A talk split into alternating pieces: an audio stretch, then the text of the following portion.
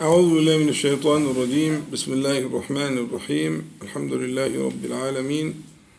اللهم صل على محمد النبي وأزواجه أمهات المؤمنين وذريته وأهل بيته. كما صليت على آل إبراهيم إنك حميد مجيد. أما بعد فهذا عود حميد بفضل الله تعالى إلى مجلسنا المبارك مجلس الوصال. وفي المرة الأخيرة كنا نبهنا على ما ينبغي من الآداب ومن حسن الإعداد لهذا المجلس المبارك وتكلمنا عن الاستخارة وتكلمنا عن ولكن أذكر الآن بما يمكن فعله الآن وهو النية والقصد التي يمكن تجديدها الآن في هذا المجلس بعد معرفة طبيعة اللقاء والغرض منه. فيمكنك الآن أن تجدد نيتك في هذا المجلس المبارك على مثلا حديث مسلم المرفوع للنبي عليه الصلاة والسلام في قوله لا يقعد قوم يذكرون الله عز وجل إلا حفتهم الملائكة وغشيتهم الرحمة.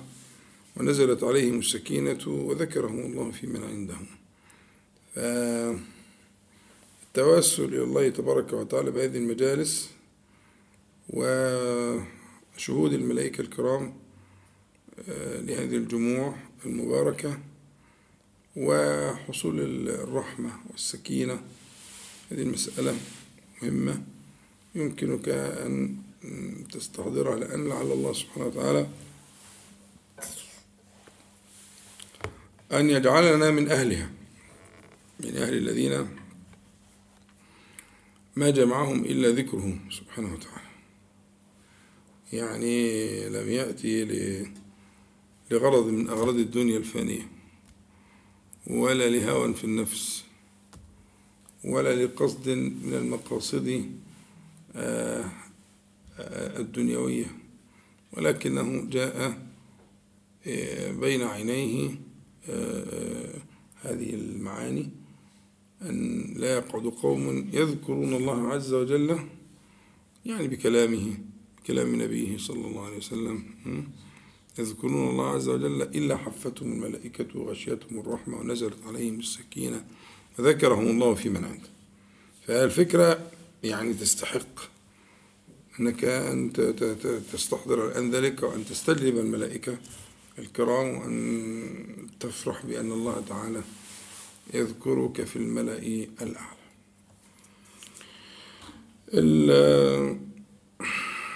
اللقاء الذي إن شاء الله مش هنطول برضه عشان مراعاة لظروف الطقس وكده وإلى آخره. هنحاول على قد ما نقدر إن شاء الله.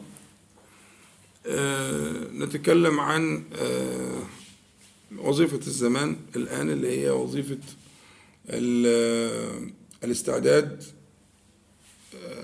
أو إذا شئت شرف استقبال رمضان. يعني كيف تكون في شرف استقبال رمضان؟ هذا الكلام الحمد لله قلناه سنين طويلة. يمكن دي هتبقى لو تكلمنا الليلة هتبقى المرة السابعة التي نتكلم عن ما يجب علينا في شرف استقبال رمضان.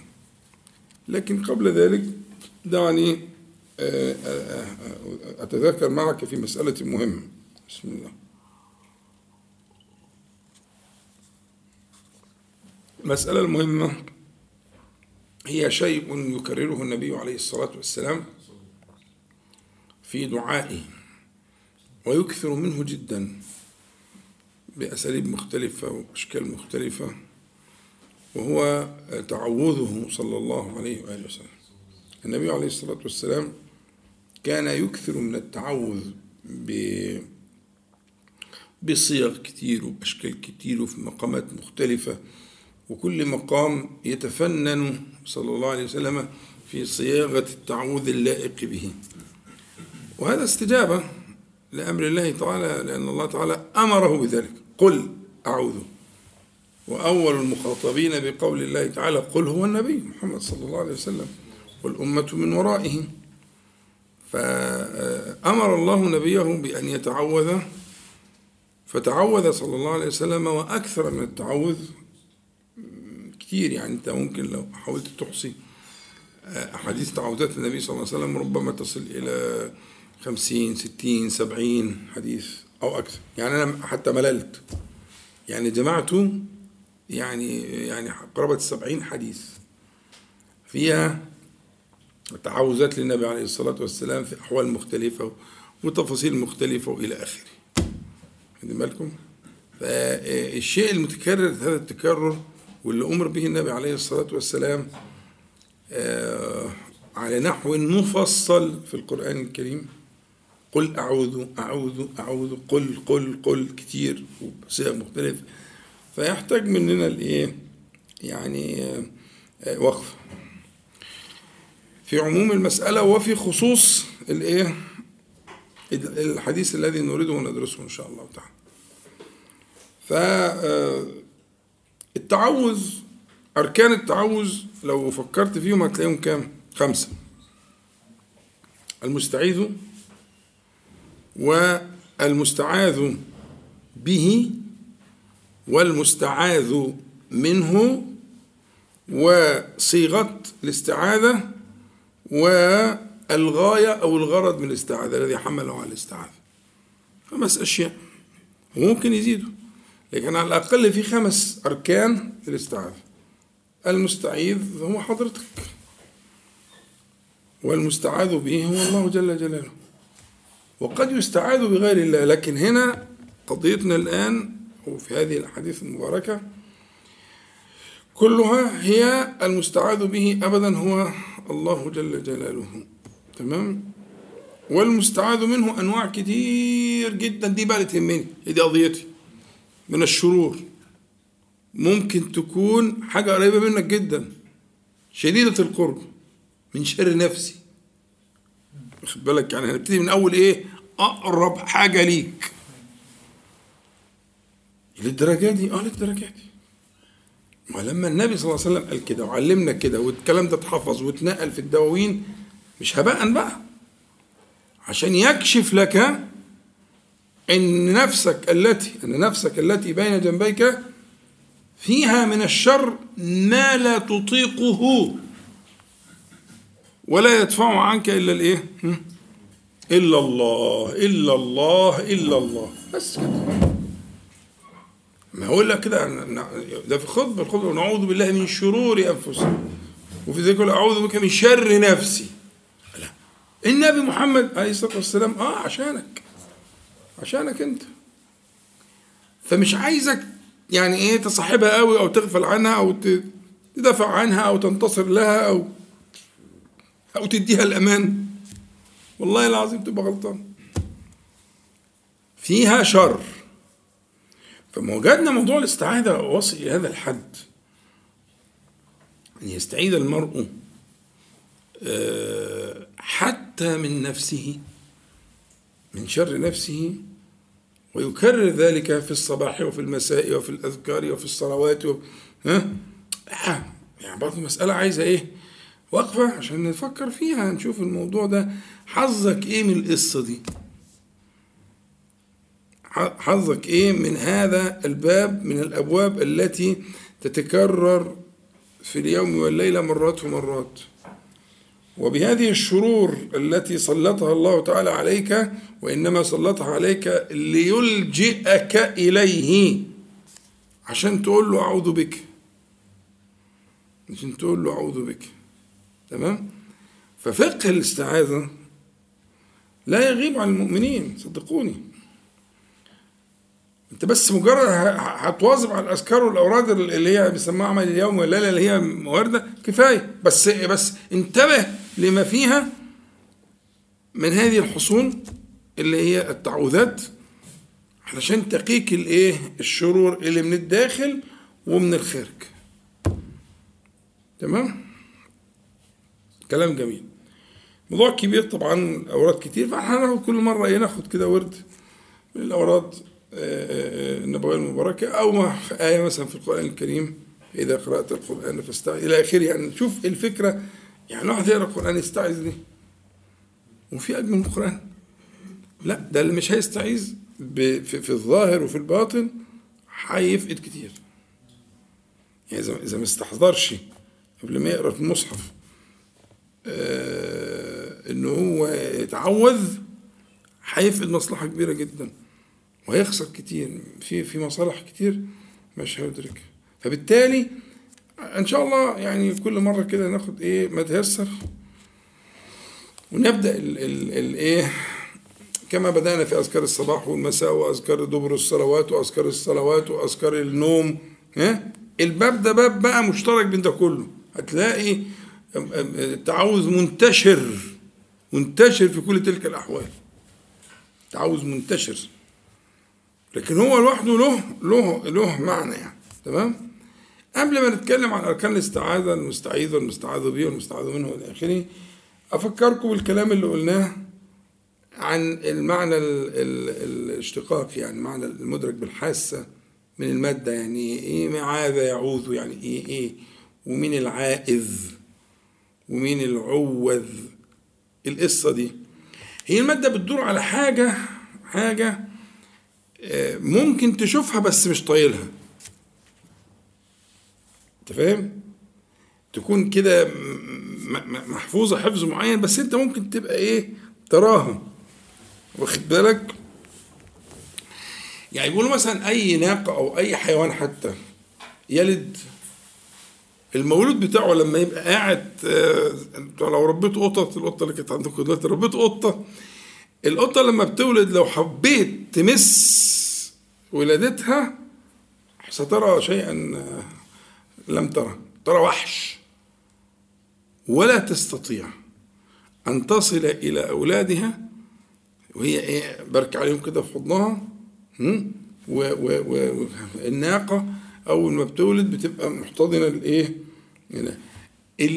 الناقة دي أو القط ده أو إلى آخره اسمه عائذ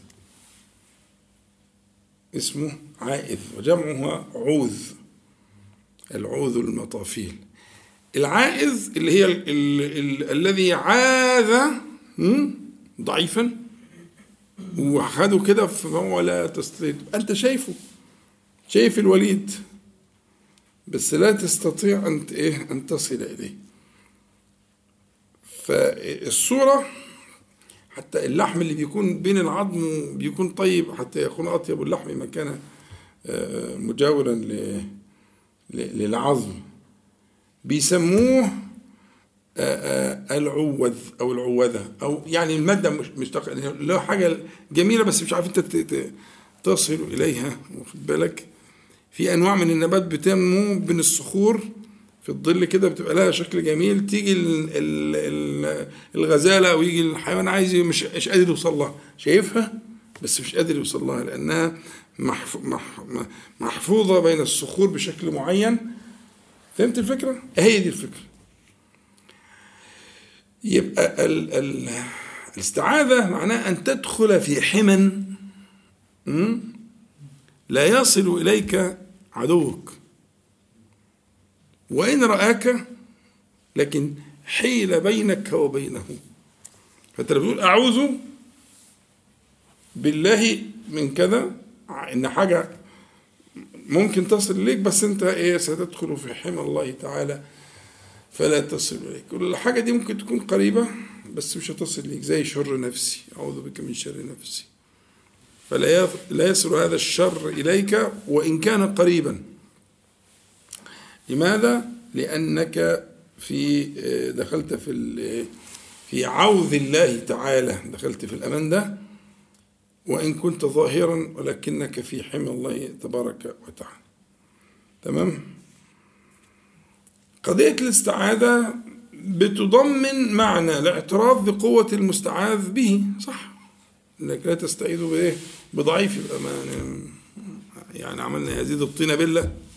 لا. أنما أستعيذ بالإيه؟ بالقوي القادر. وكذلك تتضمن معنى ضعف المستعيذ. يبقى أنت مجرد إنك تشرع في عملية الاستعاذة أنت بتعلن عن إيه؟ عن ضعفك. انك لا تقدر على أن تحمي نفسك. انت غير قادر على حماية نفسك. وأنت تذهب إلى الله تعالى فأنت ترى أن الله تعالى هو الذي يقدر على ذلك ولا يقدر على حمايتك إلا هو. يبقى اعتراف بضعف المستعيذ بقوة المستعاذ به القاهرة التي تقدر على هذا العوز. تمام؟ هذه الصورة صورة عبودية.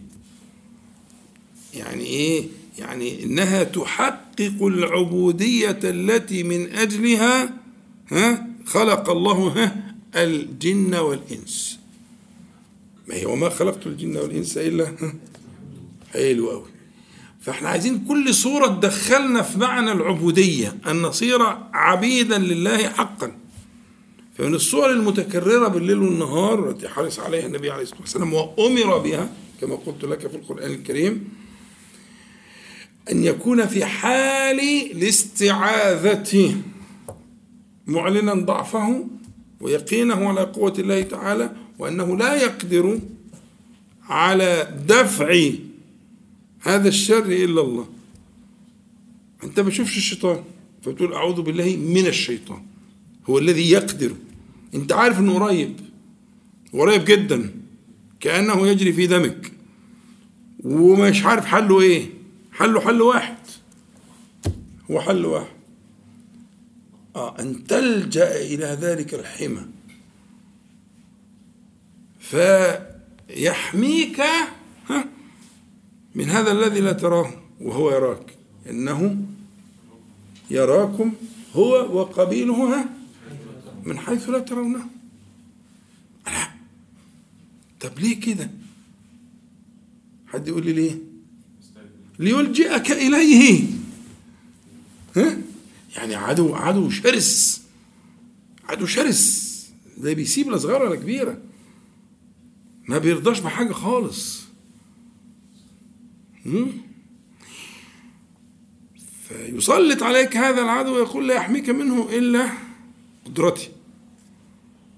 إلا أنا. فاستعذ بي يدخل في حماية أحميك. الفقه ده مهم جدا يا شباب. لما تيجي تقول تقرأ المعوذات مثلا في الصباح والمساء ثلاث مرات كما هي في سنة طرفي النهار أو إلى آخره لازم تستحضر المعنى ده مش كلام فارغ عن المعنى. لو فرغت هذا الكلام عن المعنى يبقى يبقى أنت مسكين. لا بد من استحضار كلمة أعوذ دي تبقى حال مش مقال بس. المقال ده الغرض منه إنشاء الحال. هتقرأ القرآن تقول أعوذ بالله من الشيطان الرجيم من غير ما تستحضر هذا المعنى ضيعت بركته. بركته كامنة في أن يصير هذا الكلام حالا حال قلبك.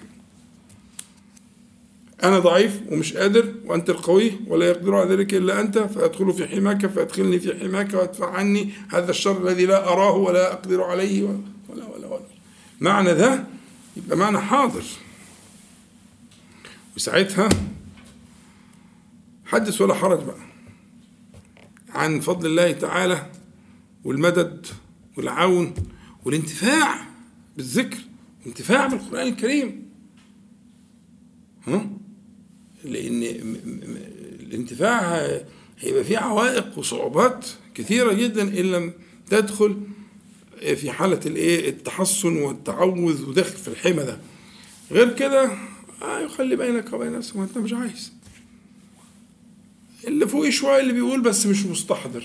لكن الذي يقول هذا الكلام ويستحضر معناه فيصير الكلام حالا فاحنا عايزين نراجع. إن شاء الله نراجعهم بإذن الله. نراجع مواضع التعوذات في سنة النبي صلى الله عليه وسلم في اليوم والليلة وفي العموم. هنقسمهم قسمين في اليوم والليلة كتير كتير جدا. وفي العموم كتير جدا جدا. ولا يدل ذلك إلا على شيء واحد. أنه أمر لا يمكن الاستغناء عنه. المعنى الحال يعني والمقال. لا تستغني عن المقال ولا تستغني عن الحال. ومن غفل عن المقال أو عن الحال كان عرضة للإيه؟ للعواري والضواري والذئاب. عندهاش رحمة. مكشوف. تمام؟ آه، إحنا معانا حديث لطيف جدا الحقيقة هو في أدب المفرد الإمام البخاري وسنده صحيح بحكم كتير جمع كبير جدا من من المتقدمين والمتأخرين. الحديث بيرويه معقل بن يسار رضي الله عنه. ومعقل بن يسار بيقول أن النبي عليه الصلاة والسلام قال لأبي بكر فهو سمع وبيقول له أو أبو بكر حكى له. مش عارفين. بس ده صحابي برضه. فقال عليه الصلاة والسلام لأبي بكر والذي نفسي بيده للشرك أخفى من دبيب النمل. طبعا والذي الواو دي واو إيه؟ قسم. والذي نفسي بيده يعني يقسم بالله عز وجل. بس هنا جاي بقى بصفة من صفات الله تعالى. أنه أن الأنفس جميعا بيده سبحانه وتعالى. صفة جميلة وده كان كثير ما يقسم بها النبي عليه الصلاة والسلام. طيب هو النبي صلى الله عليه وسلم محتاج قسم؟ عموما لا وخصوصا مع أبي بكر قطعا لا. أمال اللي بيقسم وهو يكلم أبا بكر لماذا؟ لبيان جليل ما سيأتي من الكلام مش للتصديق. ده هو الصديق.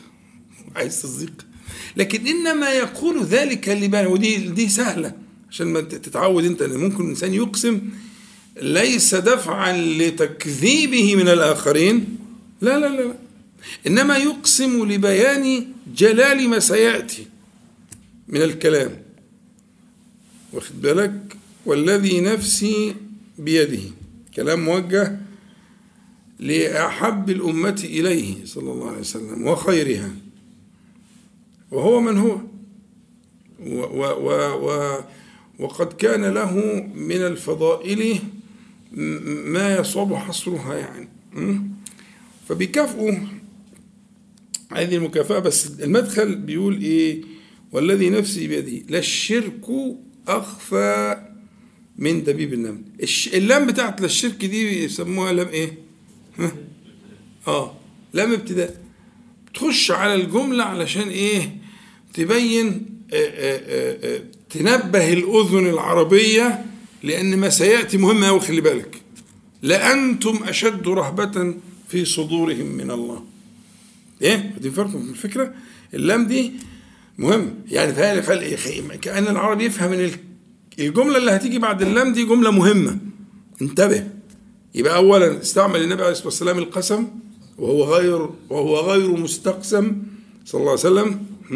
فاستعمل القسم لبيان اللي جاي ثم أدخل لام الايه؟ الابتداء دي علشان يعني برضه لتأكيد ذات المعنى. طيب كويس. عليه الصلاة والسلام. والذي نفسي بيده لا الشرك أخفى من دبيب النمل. طب إيه رأيكم في دبيب النمل؟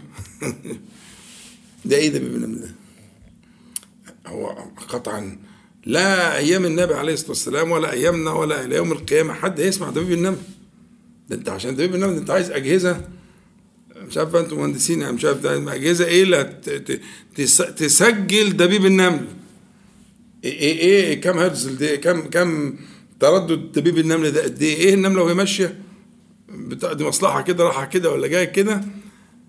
تدبوا على الأرض فتحدثوا صوتا. أنا مش عارف سجلوها ولا لأ. مش عارف. أنتوا أكيد أدرى يعني. يعني هل في أجهزة دلوقتي بتسجل وقع أقدام النمل في سيرها؟ حد عنده فكرة حاجة زي كده؟ بس خلي بالك ده كتير في في السنة. يعني تعبير فإذا كان يعني من أيام النبي صلى الله عليه وسلم واسمها دبيب النمل. يبقى دلوقتي دبيب النمل إحنا برضو عاجزين عن تصور إيه إيه الصوت الذي ها يحدثه دبيب النمل على الأرض. مش كده بقى تقول أخفى من؟ يعني أخفى من الخفي. صح؟ فاهم؟ يبقى الغرض هنا برضو إحنا داخلين في إيه؟ في مقدمة كلها مبالغة. مبالغة ورا مبالغة تأكيد على أهمية المسألة. أخفى لا الشرك أخفى من دبيب النمل. أخفى مما يخفى. أخفى من الخفاء نفسه. طبعا هنا الشرك المقصود به أنواع من الشرك مش كل الشرك لأن في شرك مش ليس خفيا. واخد بالك؟ في شرك ظاهر. يبقى هنا المقصود بإيه؟ أنواع من الشرك خفية شديدة الخفاء بالغة الخفاء. يبقى هنا هنحمل كلمة الشرك هنا على الشرك ده من ألفاظ العموم. مظبوط؟ هنا عام يراد بالخاص فاكرين القصة دي؟ أنا أعرفكم بيها بس أنا أعرفكم بيها لأنها مسألة في منتهى الأهمية مسألة العموم والخصوص.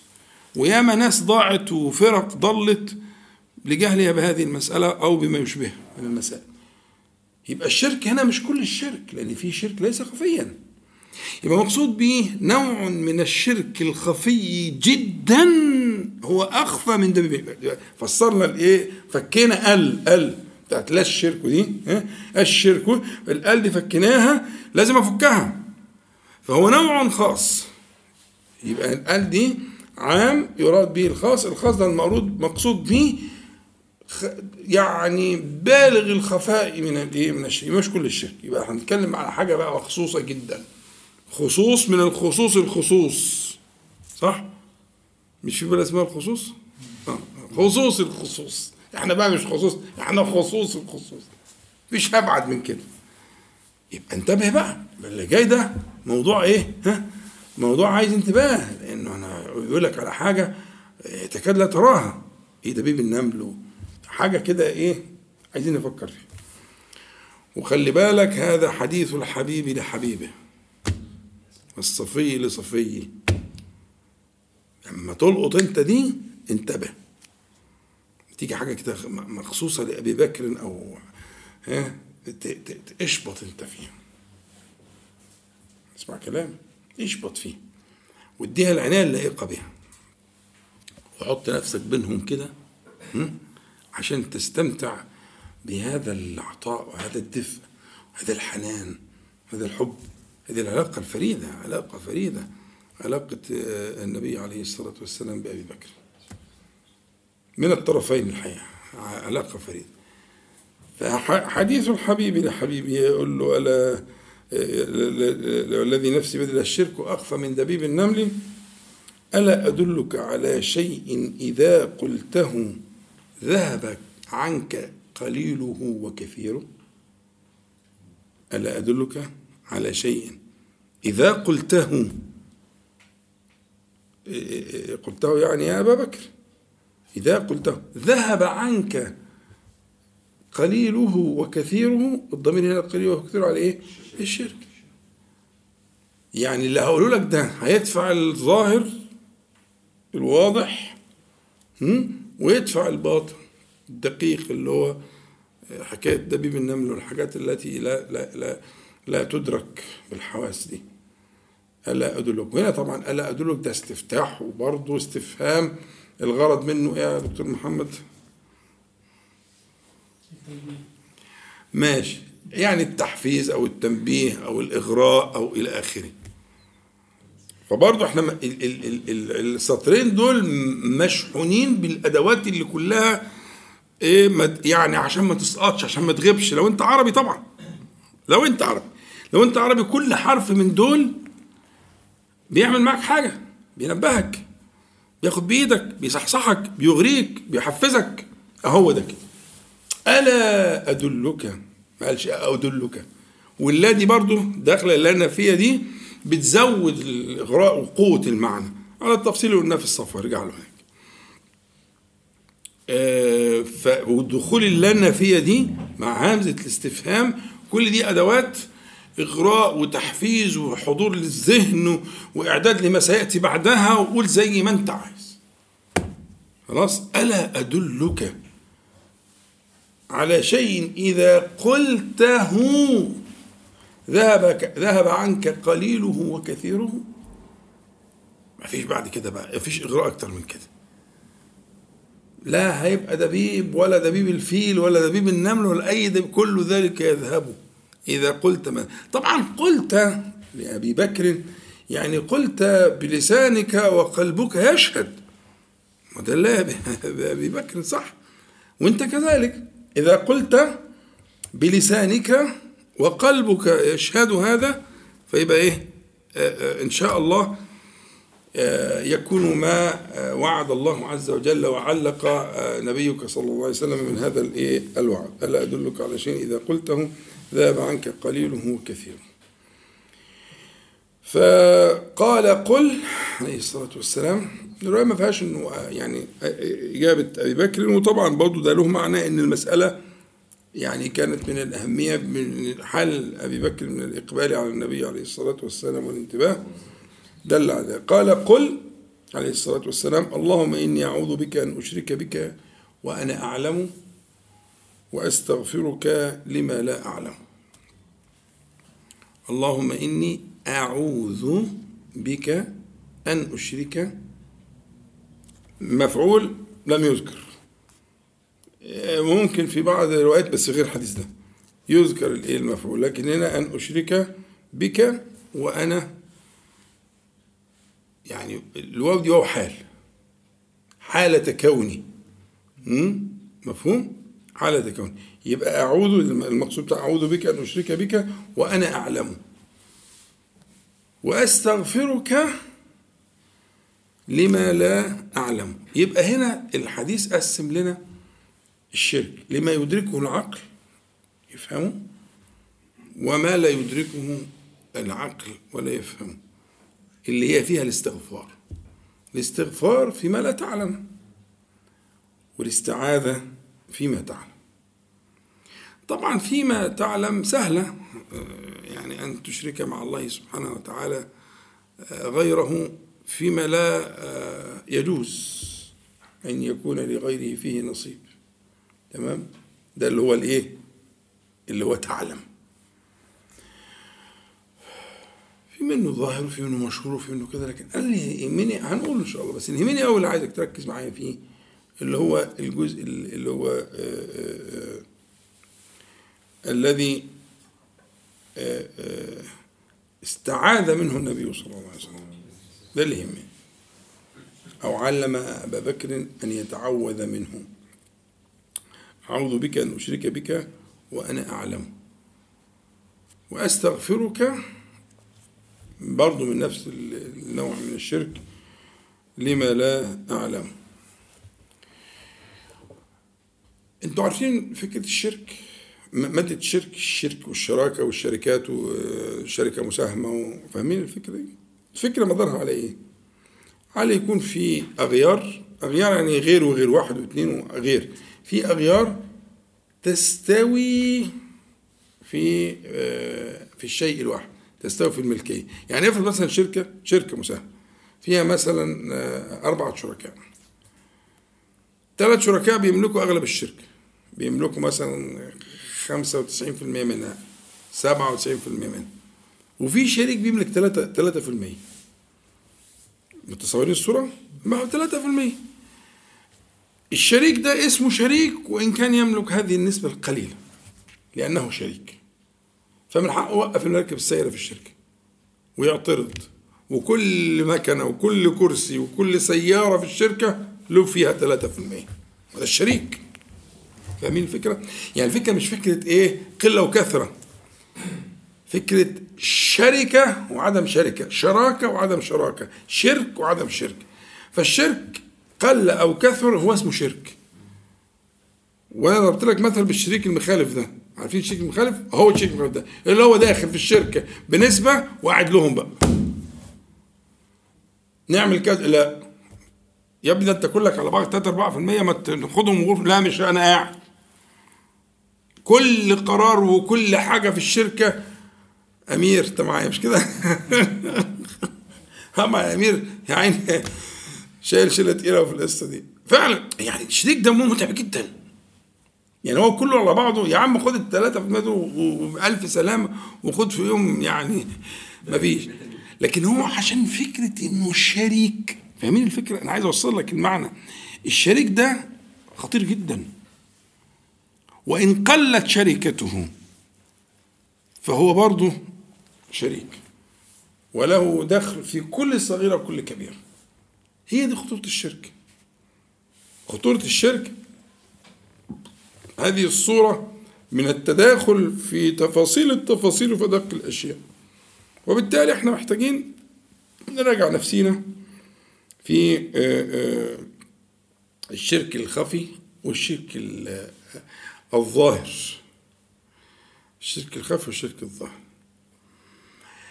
إيه الشرك اللي محدش يعني يخلو عنه اللي هو ما يطوف بالقلب من آه، مجموعتين مجموعتين المشاعر الإنسانية اللي هم الخوف والطمع.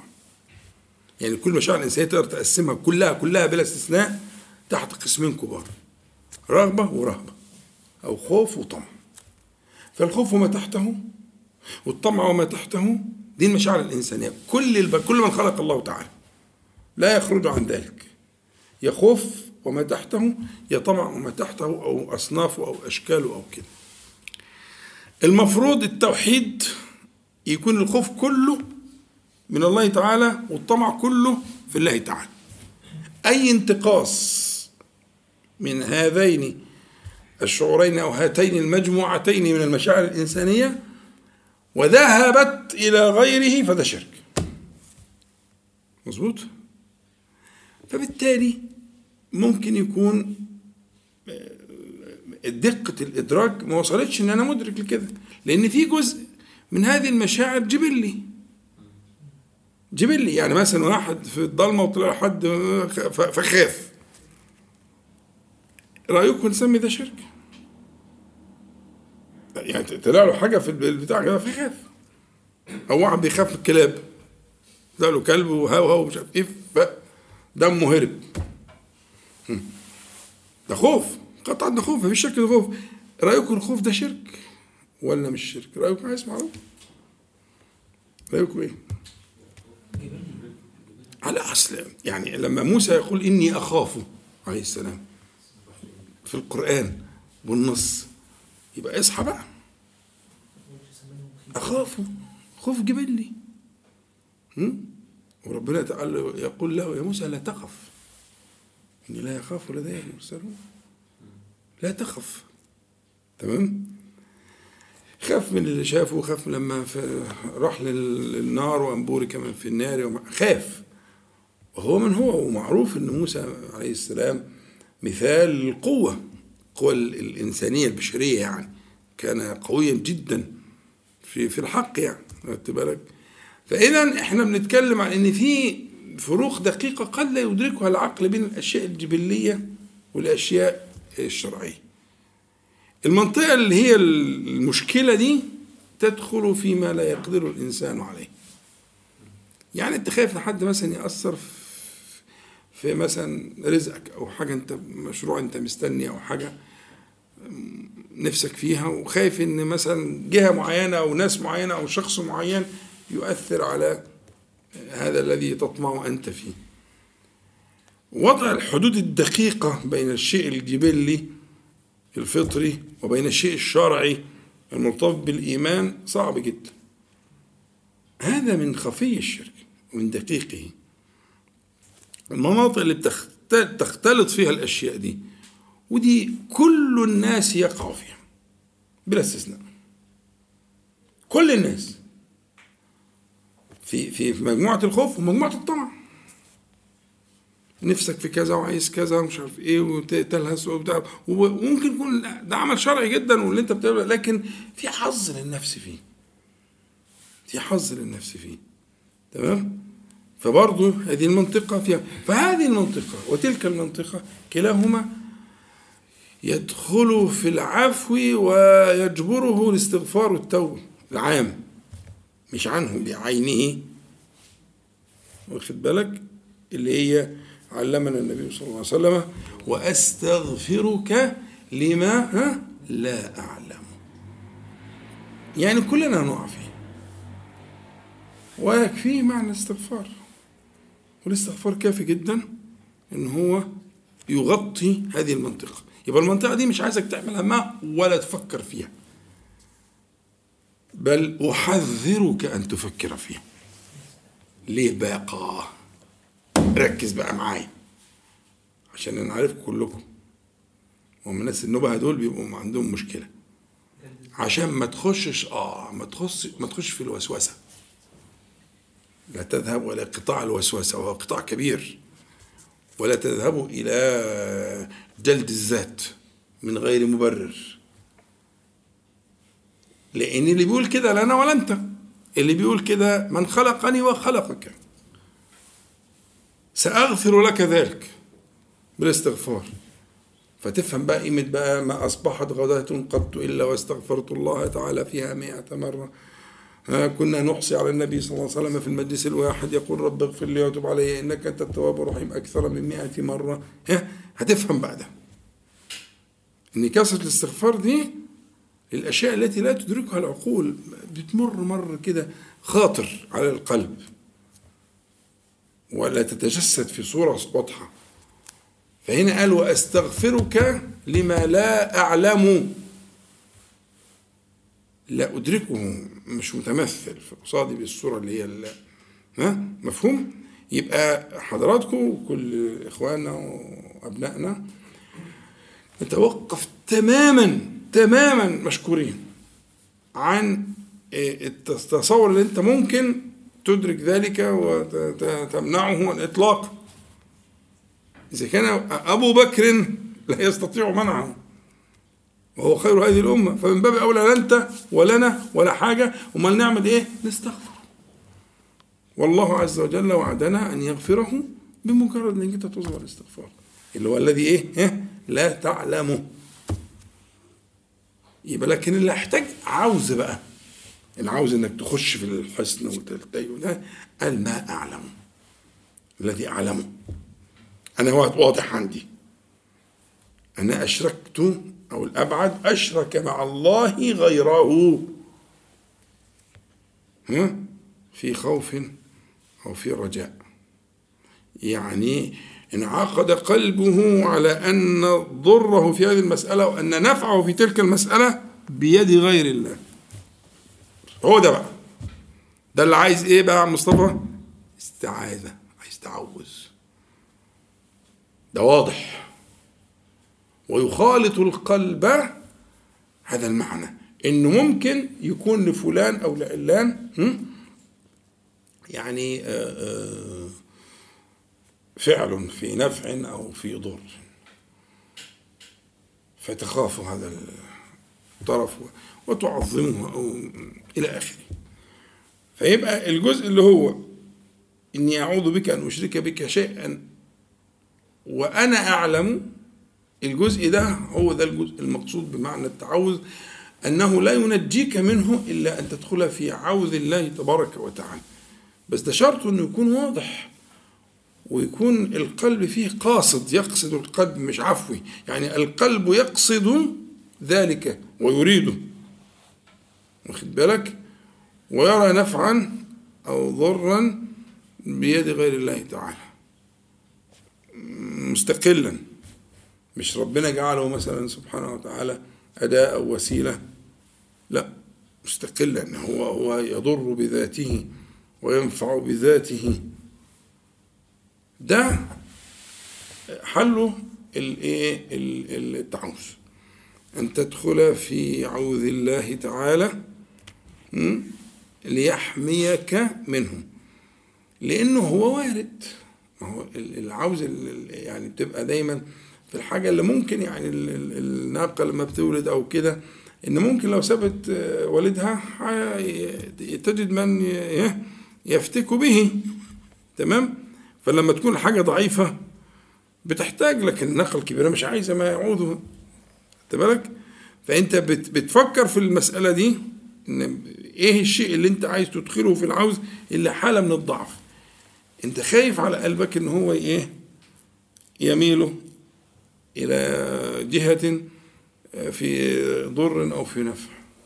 شايف إنه هو يعني يخاف من نفسه أو يخاف على نفسه. فيلجأ إلى الله تعالى ليدخله في حصنه. فلا تصل إليه يد الخوف أو الطمع من هذا المخلوق. الفاني أيا كان بقى جهته. خدت بالك؟ فبالتالي هذه النصيحة. لو جعلتها وردا يبقى أنت أحسنت هي موجود معناها موجود بس لجلالها لأنها من النبي عليه الصلاة والسلام لأبي بكر. ألا أدلك على شيء؟ إذا قلته بعد ما أقدم له بقى أنه هو أخفى من دبيب النمل إذا قلته ذهب عنك قليله وكثيره. شيء فيما يخاف وشيء فيما يقع منه. اللهم إني أعوذ بك أن أشرك بك شيئا وأنا أعلم مدركه وأستغفرك لما لا أعلم. اللهم إني أعوذ بك أن أشرك بك شيئا وأنا أعلم وأستغفرك لما لا أعلم. دخول في هذا الحصن ضروري. ويعني طبعا إذا قلنا هذا الكلام فمن باب أولى الأمة كلها تحتاج لذلك. ما فيش حد يستغني فيش حد يستغني أن يدخل في هذا الحصن وهذا العوز آه، يعني لأنه يطال كل كل كل من خلق الله تعالى. اوعى تتصور أنك أنت هتبقى من أصحاب صنف ولست تدخل في صنف آخر. اوعى الشيطان يبرك. أنت تحتاج إلى التعوذ وتحتاج إلى الاستغفار. الاستغفار فيما يقع انت لا تدركه والتعوذ فيما تدركه وتخاف من أن يقع قلبك في هذا الفخ. فتحتاج إلى الاستغفار وتحتاج إلى التعوذ من كل أشكال الشرك آه الظاهر والباطن. اتفضل. دي الصيغة الوحيدة الصحيحه على حضرتك كنت قلت كان في يعني صيغ ثانية يعني كتير. في صيغة الجمع إحنا متعودين عليها. اللهم نعم. والله أنا ما أعرفش سندها إيه وأستغفرك لماذا. لكن ده ده السند الصحيح في الحديث زي ما قلت لك في آآ آآ الأدب المفرد للامام البخاري وصححه جمع من العلماء بس. لكن آه موجود آه بس أنا مش فاكر سنده. أنا أنا حافظه بس مش فاكر سنده. مش فاكر حكم سنده يعني. لكن الأمر قريب يعني. لو لو لو آه، آه، آه، إنا نعوذ بك أن نشرك بك شيئا ونحن نعلم ونستغفرك لما لا نعلم قريب. يعني خليت الضمائر جمع قريب. في تغيير في صيغة نعلم نعلمه. وأضفت الضمير قريب برضه. لكن النص اللي معانا ده أنا تعمدت لجلال المخاطب. يعني عايزك تعيش الجو ده. جلال المخاطب. الكلام ده مش ل... الكلام ده لخير هذه الأمة. لقمة الأمة. ما فيش بعد ما فيش أعلى من أبي بكر في الأمة بعد نبيها صلى الله عليه وسلم. ما فيش. فلما بيخاطب قمة الأمة ها يبقى معناها من باب أولى كلنا يدخل في ذلك. تعمدت يعني لكن هي الصيغة قريبة يعني. هي صيغة موجودة حد عايز يقول أي حاجة؟ نخش فيها الشرك اللي هو اتباع الهوى رأيت متخذ إلى هوى الدينار نعم. عبد الدرهم وعبد الدينار وعبد الخميصة وعبد القطيفة وعبد الهوى اللي موجود في القرآن الكريم. كل ذلك من الشرك ومنه خفي ومنه ظاهر. يعني عبودية الدرهم والدينار وعبودية الدنيا وعبودية المادة أو عبودية الهوى في منها ما يدخل في القسم الأول ومنها ما يدخل في القسم الثاني. تدخل يدخل فيها فيما تعلم ويدخل فيها ما لا تعلم. فأنت لما هتتعوذ ولما هتستغفر هتستغفر من ده كله. لكن أنت كإنسان آه بيأتيك آه، خاطرة أنت عارف إنها مش مظبوطة. أنت متأكد إنها مش مظبوطة. فدي تعلمها. وفي حاجة تكون خفية فيها تلبيس. ها؟ فيها تلبيس فيها فيها يعني فيها شر دفين. فدي تحتاج لاستغفار انت ما ادركتهاش. لكن اللي انت مدركه تتعوذ منه تدخل في العوز فكل ذلك يدخل كل أنواع هذه الأنواع التي ذكرت في القرآن وفي السنة من أنواع الشرك اللي هو إذا أطلق يعني آه يدخل طبعا قولا واحدا. والله أعلم. هو مش الرياء يطلق عليه الشرك الخفي؟ نعم. الرياء طبعا الرياء شرك أمال إيه؟ بس الرياء آه، برضه درجات. يعني في رياء ببعض الأعمال وفي رياء بأصل الإيمان. إن المنافقين في الدرك الأسفل من النار. ما هو ده رياء؟ بس ده رياء بأصل الإيمان. يظهر الإيمان ويبطن الكفر. لكن في رياء إنه هو يعني إذا أحس بمن ينظر إليه أو من يرقبه أتقن شوية العبادة وظبطها ومسك السبحة وقعد يحرك شفايفه ومش عارف إيه وكلام من ده. وهو لا يفعل ذلك آه، شهودا لما يقول. إنما يفعل ذلك ليأخذ حظا عند ال عند ال من يشاهده أو يعاينه الاصعب العكس يا دكتور. نعم. والأصعب العكس. إيه بقى؟ إن الواحد ما يعملش الحاجة عشان حد بيشوف بيشوفه. آه. والله هو ال- ال- الجنيد له كلمة آه بيقول إنه ترك العمل من أجل الناس رياء. والعمل من أجل الناس شرك. دي عمق يعني في ال- في الفكرة يعني. وأنا موافق على ذلك فاهم كويس. ترك العمل؟ ولا ترك العمل اللي هو بيسأل عليه الباشمهندس. أيوة أنه لاحظ الناس يعني ال- الذي حمله على ترك العمل الناس. ده كده ليه؟ ده ده تعريف يعني فلسفي شوية. موجود في في رسالة بتاع السيره القشيريه منسوب لسيد الطائفة الجنيد رحمه الله. بيقول كده بيقول ترك العمل من أجل الناس هذا هو الرياء. لكن العمل من أجل الناس قال هذا شرك. وخلي بالك برضو إن الرياء شرك. يعني هي في في إدخال لكن هو خلصهم من بعض عشان يسهل عليك المهم في العمل يعني. فاللي بيتكلم عليه الباشمهندس فكرة إنك أنت ترك العمل آه ترك العمل للناس طبعا يعني ذهب عنك آه، ما ينبغي أن يكون في آه، آه، الا ترى إلا الله سبحانه وتعالى في الفعل والترك. وبعدين آه، أوثق على الإيمان الحب في الله والبغض في الله والعطاء لله والمنع لله فمن أعطى لله ومنع لله وأحب لله وأبغض لله فقد استكمل الإيمان. فهو فكرة لله لله لله في الفعل والترك وده المقصود. لكن سيسقط في ذلك حتما عند الكل مقادير إما أن يدركها بعقله وإلا يدركها. ما لا يدركها يستغفر منه. لأن لابد من وقوع. البشر. يعني ال- ال- المخلوق اللي ما بيعملش كده هم الملائكة. لكن الجن والإنس لا لا ينبغي حتما يقينا سيقعون في ذلك. فمنهم لا يدرك. السحابة كده مرت على قلب الواحد? ويكون منه الاستغفار. واستغفرك ها لما لا أعلم. ومنه ما يدرك بس غلب عليك ووقعت. م? ده يكون منه إيه؟ التعوذ. أن يحميك من الوقوع فيه أو حتى من الوقوع في توابعه لأنه له توابع سيئة جدا. له توابع سيئة جدا في, في سوداد القلب. فيبقى الطلب أن يحميك منه وأن يحميك من أثره؟ أن يحميك من أثره من هذا الوقت اللسعة التي تكون فتترك أثرا. فيحميك أن يحميك منه وأن يحميك من أثره. ده فيما تعلمه في تدركه بعقلك يعني.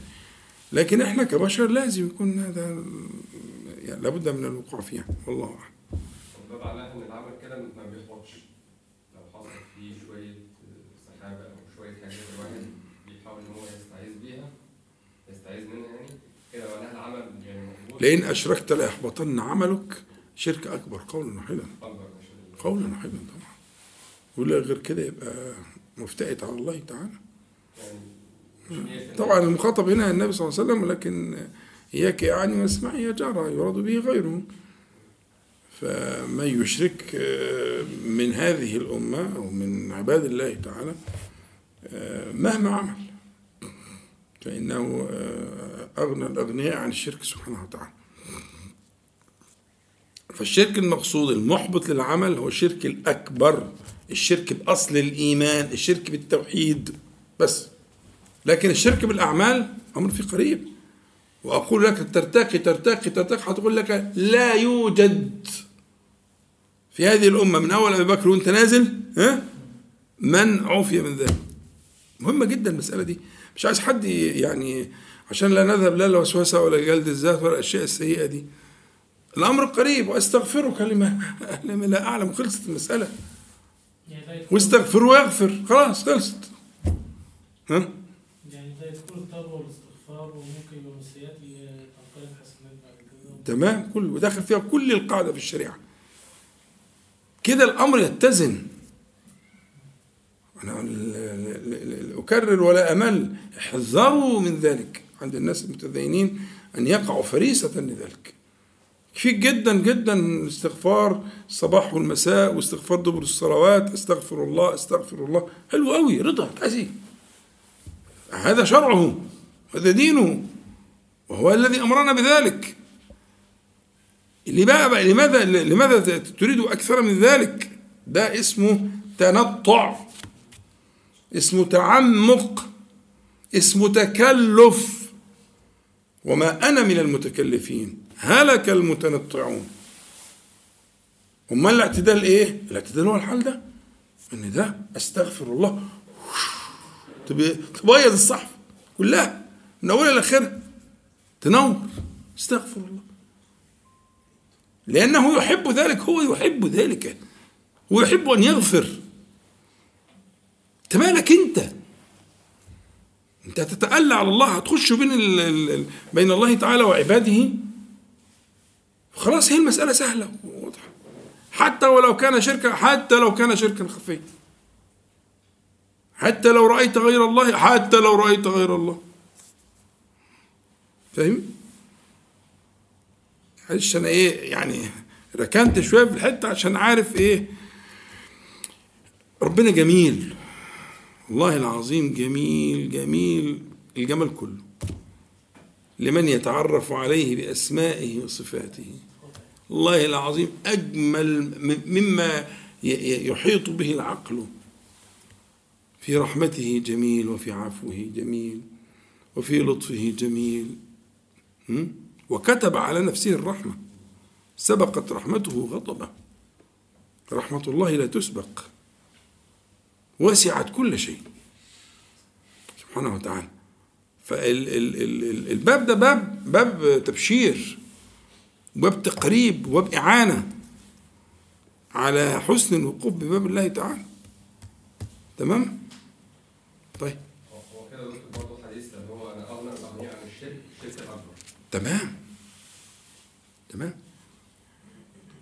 كل ذلك من الشرك الأكبر اللي هو يعلم صاحبه واتخذ مع الله إلها غيره سبحانه وتعالى. كل ذلك هو الشرك الأكبر. لكن الشرك الخفي الرياء الشرك الأصغر تكفره الصلاة والصيام والسير المساجد والوضوء. مسألة هذا مكفر. مكفرات لما بينهن إذا اجتنبت الكبائر الصلاة الخمس والجمعة الجمعة ورمضان إلى رمضان. تكفير كده أوتو ذاتي من غير تكلف. هو شغال كده. انت بس المهم ما تدخليش مناخير حضرتك في الموضوع. ده أهم حاجة. طلع لي مناخيرك من القصة وسيبه شغال كده. هو شغال يا أخي أنت مالك؟ إنه عفو يحب العفو وانت مالك؟ هتضايق اللي ربنا وسعه طبعا مش أنت أنت راجل طيب يعني لكن أنا فاهم طبعا الناس اللي هم المتدينين الطيبين زي حالاتكم كده عندهم الحرص على البتاع والإتقان ومبقاش حاجة ما فوتش حاجة ما تروحش حاجة وبتاع ويقعد يستدرج يستدرج يستدرج لغاية لما يدخله في المنطقة اللي هي فيها الهلاك ده. لا أنا بقول لك تعالى في المنطقة الواسعة اللي إحنا قاعدين فيها دي. لأنها عفو يحب العفو. هو اللي كتب عليك الذنب عشان تستغفره عشان يتوب عليك. سبحانه وتعالى انت مالك؟ بس المهم تعمل كده. المهم تحافظ على اوراد الصباح والمساء وأذكار دبر الصلوات اللي كلها استغفار وكلها توبة وكلها رجوع. هو عمل كده عشان كده. من أنت؟ الخطاب لأبي بكر. من أنت؟ من أنتم؟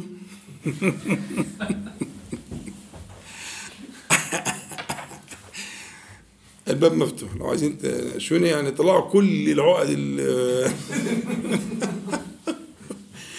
العقد اللي جوه الناس الوحشين يعني. طلعوها ونخلص منها. الدنيا واسع وربنا جميل وواظب على أوراد العمل يوم والليلة. تكفيك تماما. مش هقول لك على أسرار هو كده. عمله اليومي ولا إيه؟ بس. تيجي هتقعد تنام اتوضى واقعد على السرير. خلصت المسألة انت بتحط الختم على القصة كده. واقعد صلي على النبي عليه الصلاة والسلام وامسح كده ورا المعوذات. وخلصت عايز إيه غير كده. انت عايز إيه غير كده. ده شرعه ده دينه. انت مالك؟ سلم وحافظ على ذلك. والله سترى عجبا. بكسر الهاء. والله سترى عجبا. تعجب له. لكن حكاية المثالية والأونطة دي كلها من عمل الشيطان. عشان تقع فريسة سهلة. مفيش كلام من ده أصلا. خيار خيار خيار الأمة. كانوا زي ما هم اللي كانوا ده حالهم. من الإقبال والتوبة والاستغفار الدائم وكده دي. ها. سلمت ولا لسه؟ لمسة أكتاف ها؟ تمام. يعني المعنى ده إن شاء الله يعني معنى نفيس جدا ولعله ينفعنا إن شاء الله في الدخول على رمضان. ربنا يكرمنا.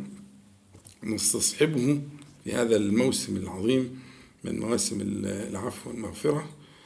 فنسأل الله العلي القدير أن ينفعنا جميعا بما قلنا وما سمعنا وأن يجعله حجة لنا. لا علينا رب العالمين. اللهم صل على محمد النبي وأزواجه أمهات المؤمنين وذريته وأهل بيته كما صليت على آل إبراهيم. إنك حميد مجيد. والحمد لله رب العالمين. نقول جميعا سبحانك اللهم ربنا وبحمدك أشهد أن لا إله إلا أنت. أستغفرك وأتوب إليك. السلام عليكم ورحمة الله.